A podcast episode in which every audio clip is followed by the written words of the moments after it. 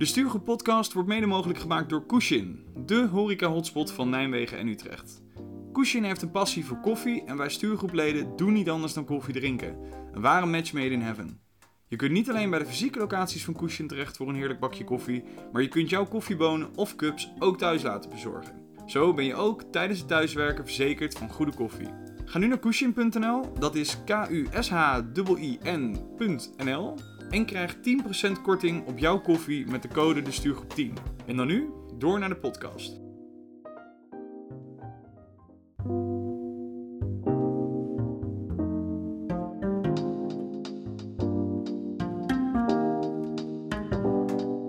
Welkom bij aflevering 37 van de Stuurgroep podcast. Mijn naam is Melvin.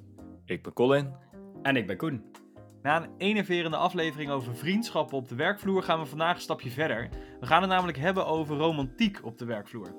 Ik ben wel blij dat de liefde tussen ons na afgelopen week weer helemaal is opgebloeid. Toch fijn dat onze driehoeksverhouding in ere hersteld is en dat net voor Valentijn. Ja, je zou af en toe bijna zelfs wel van een bromance kunnen spreken, maar goed, genoeg over ons. Vandaag gaan we kijken of romantiek op de werkvloer mogelijk is. Of dat binnen de ethische kaders kan blijven. En hoe je hier als tortelduifjes dan mee om kunt gaan. Fijn om te zien dat wij als stuurgroep toch graag de grenzen verleggen naar privé-aangelegenheden. Romantiek of niet, er moet gewoon geld verdiend worden. Melvin, hoe staat het ervoor met onze boekhouding?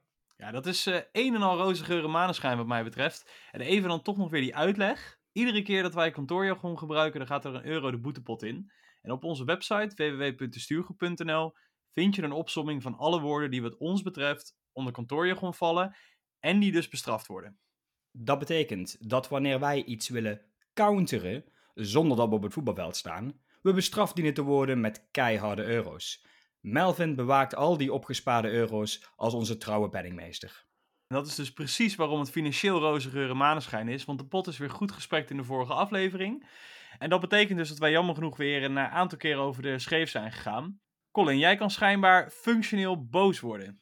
Ja, dat klopt. Die gebruikte ik inderdaad. eh, dat het nog wel eens moeilijk kan zijn als je vrienden wordt in de kantoorjungle en dan ja, functioneel boos moet worden op iemand.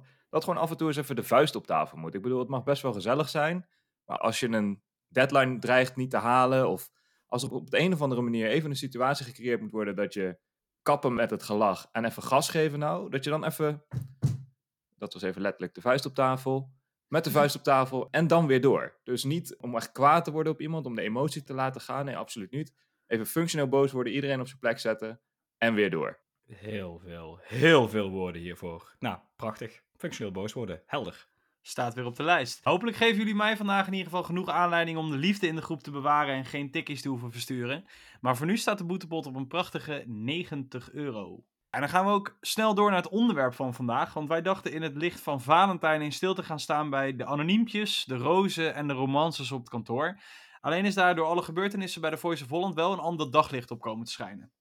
Ja, het lijkt me niet verstandig als we daar ook nog eens onze mening over gaan geven. Daarentegen kunnen we het wel hebben over eventuele ja, kantoorliefdes die van twee kanten komen. Laten we het maar eh, daarbij houden. Wie weet komen we uiteindelijk toch nog terecht bij termen als ja, grensoverschrijdend gedrag, machtmisbruik, ik weet het niet. Kijk, dit onderwerp was altijd al een beetje een mijnenveld natuurlijk. Dus laten we er wel zorgvuldig mee omgaan en eigenlijk ja, dit op een Valentijnachtige manier aanpakken. Ja, dan toch voor vandaag gaan we beginnen om de romantiek eens uit te pluizen. Want ik denk dat we hier verschillende vormen van kunnen bedenken.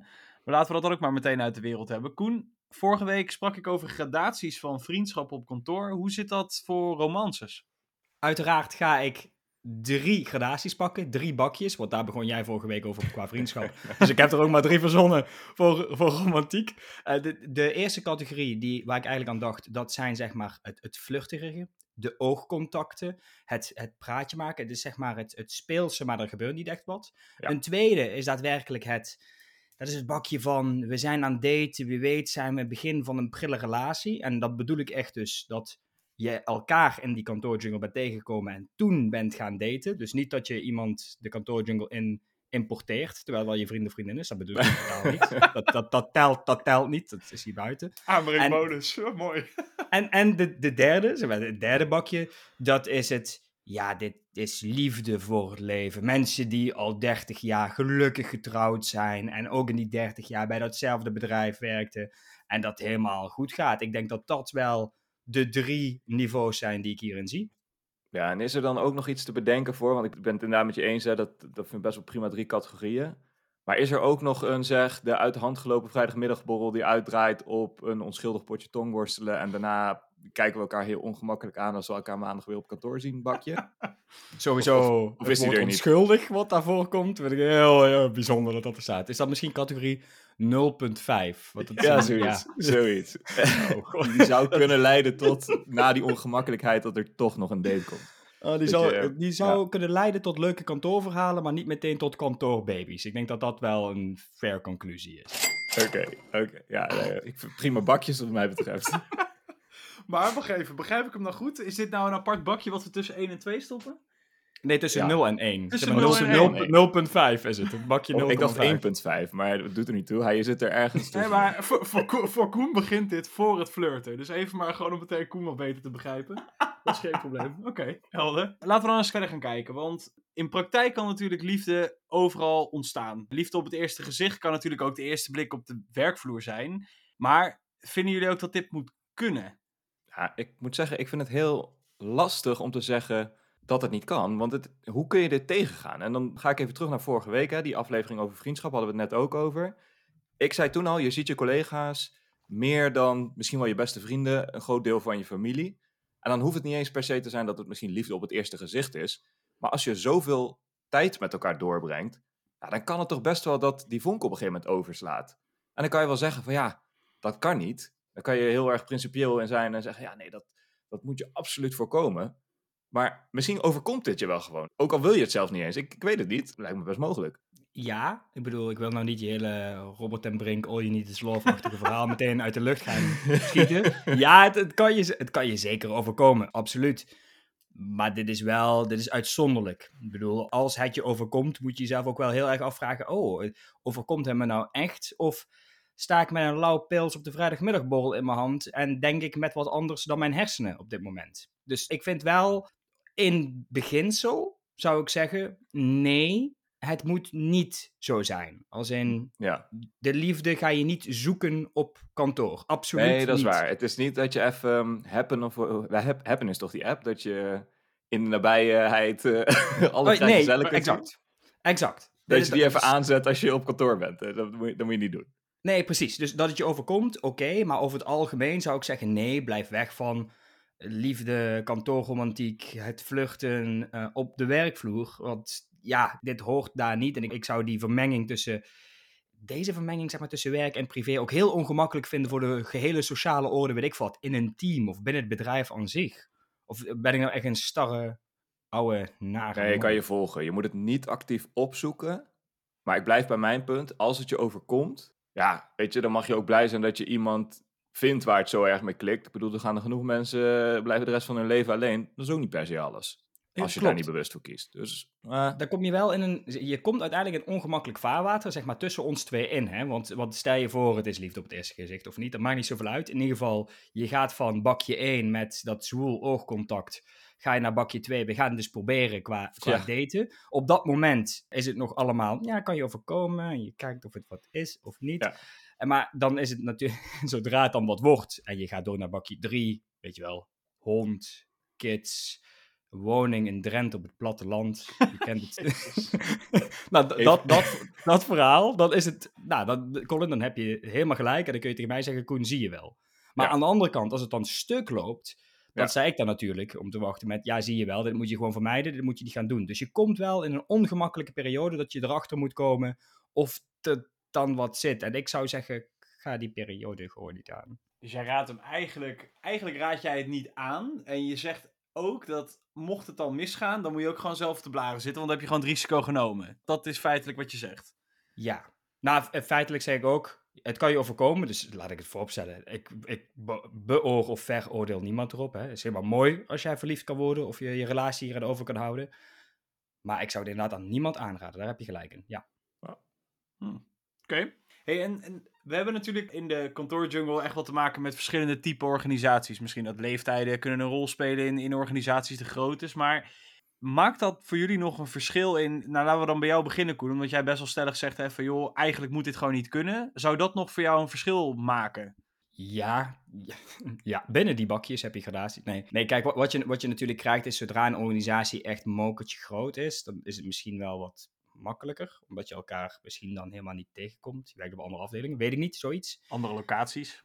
Ja, misschien zoiets, ja. Ja. En ja, qua, qua leeftijd, zei volgens mij. Ik weet niet waarom dat een... Ja, ik weet niet goed waarom dat een rol zou spelen. Ja, dan la- veel... la- laat, ik, Tuurlijk laat ik hem even laat, wat zeggen. Want ik denk dat stel dat je een jongere organisatie hebt, even nou, ja, niks, niemand eh, ergens een grens Iedereen is net student af. Nee, dankjewel, zonder dat ik leeftijden ga benoemen. Iedereen is net Precies. student af. Dan zal er toch echt wel een andere cultuur Oh, zo. hangen. Ah, een soort zo. verkapte sociëteit. Dat is waar Mel van op. Precies, ja. Ah, op die manier. Waar ze Nou, elkaar ik- ook met de achternaam nog aanspreken en lul en dat soort dingen. Weet je dat. eh, Ik denk dat het risico op eh, bakje 0,5 van Colin met dat onschuldig tongworstelen op de vrijniveau dan een stuk meer aan de orde is dan het... God, dit zou wel eens een keer liefde kunnen zijn of worden. Dus ik, ik denk dat ze dat niet eens eh, tot bakje 0 0,5 beoordelen, maar dat het gewoon vriendschap is. Dus dat hoort er gewoon bij. Oh, wat erg. Nou, Melvin, is je vraag dan misschien in dit geval, zeg maar, qua hoe jong de organisatie is, als in een gemiddelde leeftijdachtig, dat het geaccepteerder zou zijn bij de een of de ander? Want ja, denk ik... of, of daar voor jou inderdaad dan een verschil tussen. Laten we dan even twee uitersten pakken. Hè. Eén organisatie met allemaal net afgestudeerden en eentje met, nou ja, je loopt er ook rond, maar de leeftijd slaat echt volledig de andere kant op.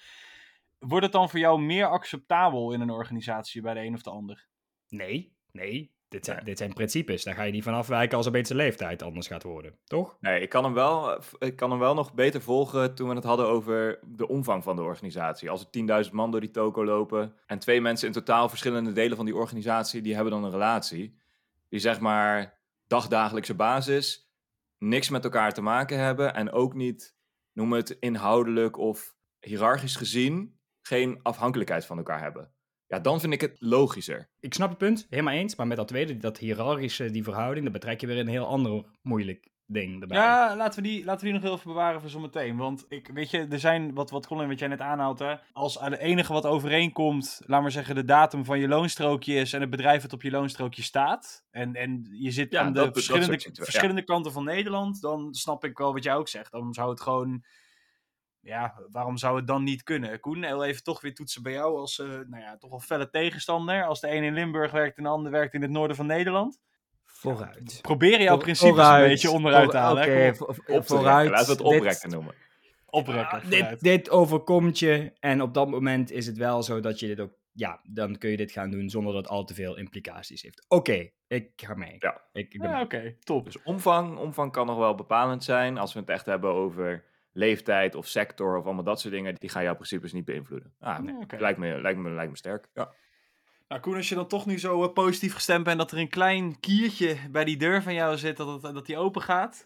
Stel, eh, het overkomt iemand, of het overkomt jou, whatever. Hoe open vind je dat je daar op de werkvloer over kan zijn of mag zijn? Nou, dit is wel echt een kiertje inderdaad, wat je zegt, waarop die deur, waarop die deur nu staat. Cupido Zo'n past er nog- kinderslot, dat die echt net open kan. Moet er nou weer een, een lengtegrap gemaakt worden? Het is zo. We hadden het net bijgelegd. Vermoeiend. Vermoeiend. Anyhow, ja, hoe open ben je op de werkvloer hierover? Ik, ik neem aan dat als het, god, we hebben een paar keer gedaten, we zijn aftasten of het wat is, dat je dan niet er open over bent. Maar dat zodra jij en de andere persoon nou, je op dat moment partners zijn, als in... Stel je eh, hebt bakje 3 beland. Je bent in Nou, niet bakje eens 3 bakje beland. 3. Ik wil wel Oh, zeggen, ook het, het einde van bakje 2. Dus als je echt partner bent. Als je- 2.7. 2.7a tot C valt hier denk ik wel in. Ja, dan bij, dat is wel een moment om er open over te zijn van... hey, luister, wij hebben een relatie en dus eh, dat kan zijn dat, eh, dat jullie ons samen zien arriveren op werk of weggaan, dit soort dingen. Nou, met digitaal werken valt dat ook weer vies tegen. Het kan zijn dat jullie dezelfde achtergrond bij ons zien. Dat Ja, kan wel weg. Ja, ja, ja, ja. Dus, dus, dus wat dat betreft, ja, dan, dan, kun je het wel, ja, dan kun je het wel delen.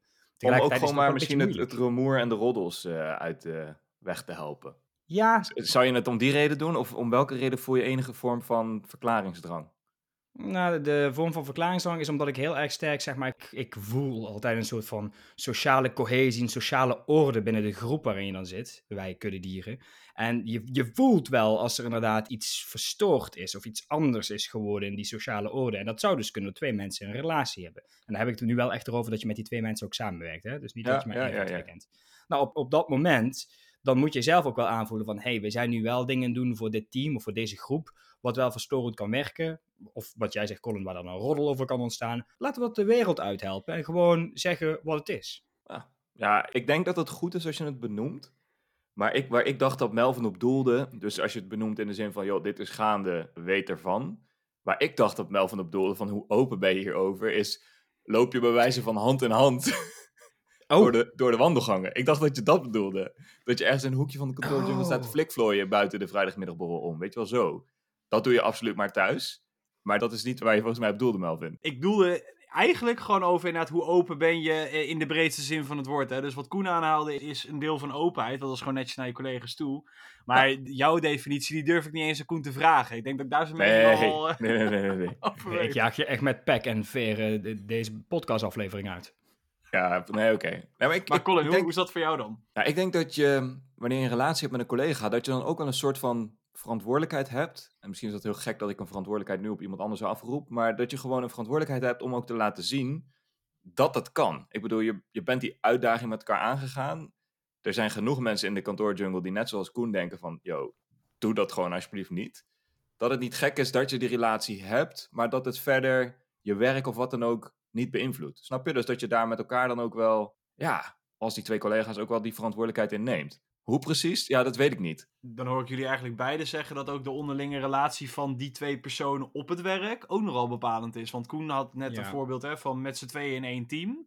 Dat Ja. kan ook zijn met z'n tweeën in nabijgelegen teams. Dat kan hiërarchisch zijn, manager-medewerker. Om een voorbeeld te noemen, Carlijn, jullie wel bekend, heeft een partner op kantoor. Wist ik gewoon een hele tijd niet, heb ik niks van gemerkt, deed er ook geen fuck toe, waren mijn zaken helemaal niet, want ze werkte op totaal verschillende afdelingen en zagen elkaar nooit. Nou, dat is een punt waarop ik denk, ja, hoe open moet je erover zijn? Nee, je moet niet hand in hand gaan lopen, inderdaad, haha. Maar voor de rest, ja, waarom zou je het iemand als, in dit geval mij, vertellen?